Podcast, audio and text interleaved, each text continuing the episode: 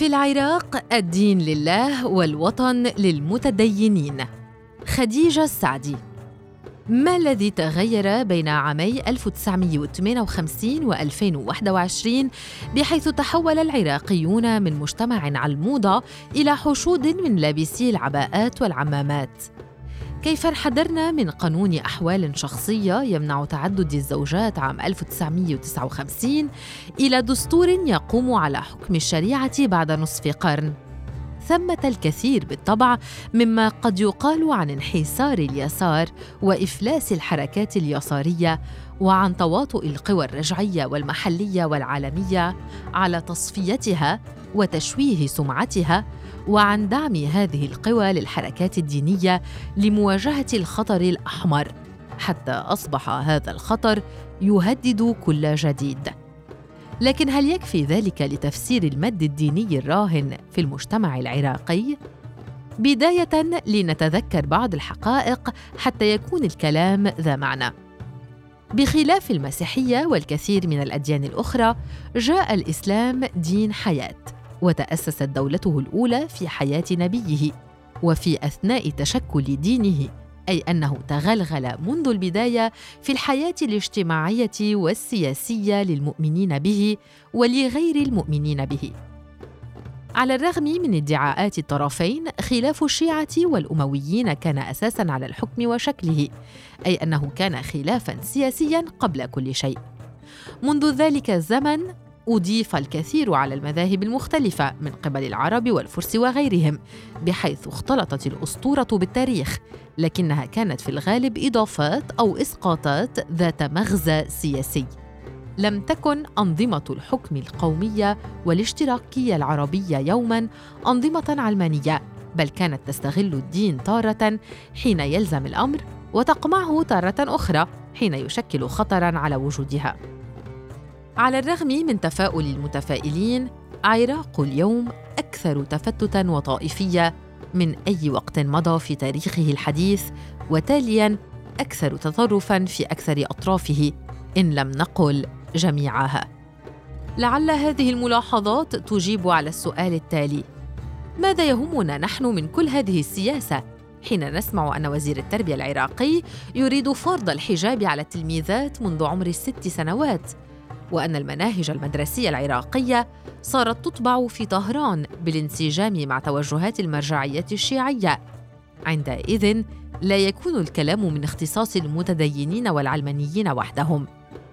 الحديث عن الدين في السياق العراقي الراهن لا يتعلق بالعقيدة والممارسات الدينية ولا بالحكم والسياسة فحسب بل كذلك بالمجتمع والثقافة والأدب وكل شيء تقريبا. من المفهوم أن شيعة العراق بعد سنين طويلة من الكبت والقمع وصلت إلى حد هدم مقدساتهم وإلى إعدامات بالجملة سارعوا بعد سقوط النظام للتعويض عن هذا الحرمان الطويل. وإن حفاظ مؤسساتهم الدينية على الرغم من القمع الصدامي على بعض المرونة والتواجد في الشارع العراقي على عكس الحركات اليسارية سمح لها باحتلال المسرح سريعاً. خاصة مع تفضيل سلطات الاحتلال العمل مع رجال الدين وشيوخ العشائر على حساب القوى العلمانية والديمقراطية. من المفهوم أيضاً أن رجالات السياسة على عاداتهم ما زالوا يغازلون رجالات الدين ويخطبون ودهم لتمرير برامجهم السياسية وهو ما قد يفسر حصول قائمة المرجعية الدينية على عدد كبير من الأصوات في الانتخابات. لكن ما يصعب فهمه أو بالأحرى تقبله هو إصرار رجال الدين على الاستئثار بهذه المكتسبات والمباشرة في فرض طريقهم على كل الآخرين بحيث أن القوى الأخرى بما فيها منظمات المجتمع المدني تكاد تزاح عن الساحة السياسية وما يتصل بها من ساحات. من مظاهر هذا المد الديني عدم اقتصار الطقوس الدينية على شهر محرم. والمناسبات الدينية كما كانت الحال قبل حكم البعث بل امتدادها على مدار العام وابتكار شعائر جديدة لم تكن معروفة في السابق. بالإضافة إلى ازدياد حجم المشاركة الجماهيرية في هذه الطقوس وخاصة تلك التي لم تكن تحظى بقبول شعبي واسع في السابق كالتطبير وضرب الزناجيل.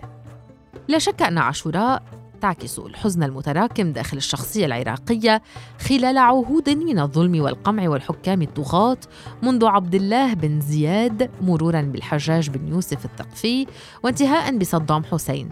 ولا شك أيضا أن طقوسها وشعائرها بعيدا عن المغالاة والإسفاف تنطوي على الكثير من القيم الثقافية والاجتماعية الراقية كالمساواة والإيثار والشجاعة وغيرها. ومما يسطره التاريخ أن الكثير من خطباء المنابر الحسينية وشعراء المواكب الحسينية كانوا من اليساريين الذين نظروا إلى ثورة الحسين بوصفها ثورة على واقع فاسد فأبرزوا جوانبها المضيئة التي تدعو إلى النضال ضد الاستعمار والتبعية ومحاربة الظلم والوقوف في وجه الطغيان. بيد أن ما يقلقنا هو ما يبدو أنه محاولات لتعميم هذا النموذج أو فرضه لإعادتنا إلى الدولة الثيوقراطية حيث السلطات السياسية والاجتماعية والثقافية في يد حفنة من المرجعيات. وكأن تجارب إيران والسودان وأفغانستان وغيرها من الدول لم تكفنا لنفهم أن الحركات والمؤسسات الدينية عندما تنتهي من مقاومة المحتل ستلتفت إلى مقاومة الديمقراطية. ربما كان من الملائم أن نختتم بمقولة ماركس الشاب التي ما أكثر ما ظلمت واستخدمها الرجعيون والمتدينون والشيوعيون على حد سواء منزوعة من سياقها. الدين زفرة المقموع قلب عالم لا قلب له وروح أوضاع عديمة الروح. إنه أفيون الشعب.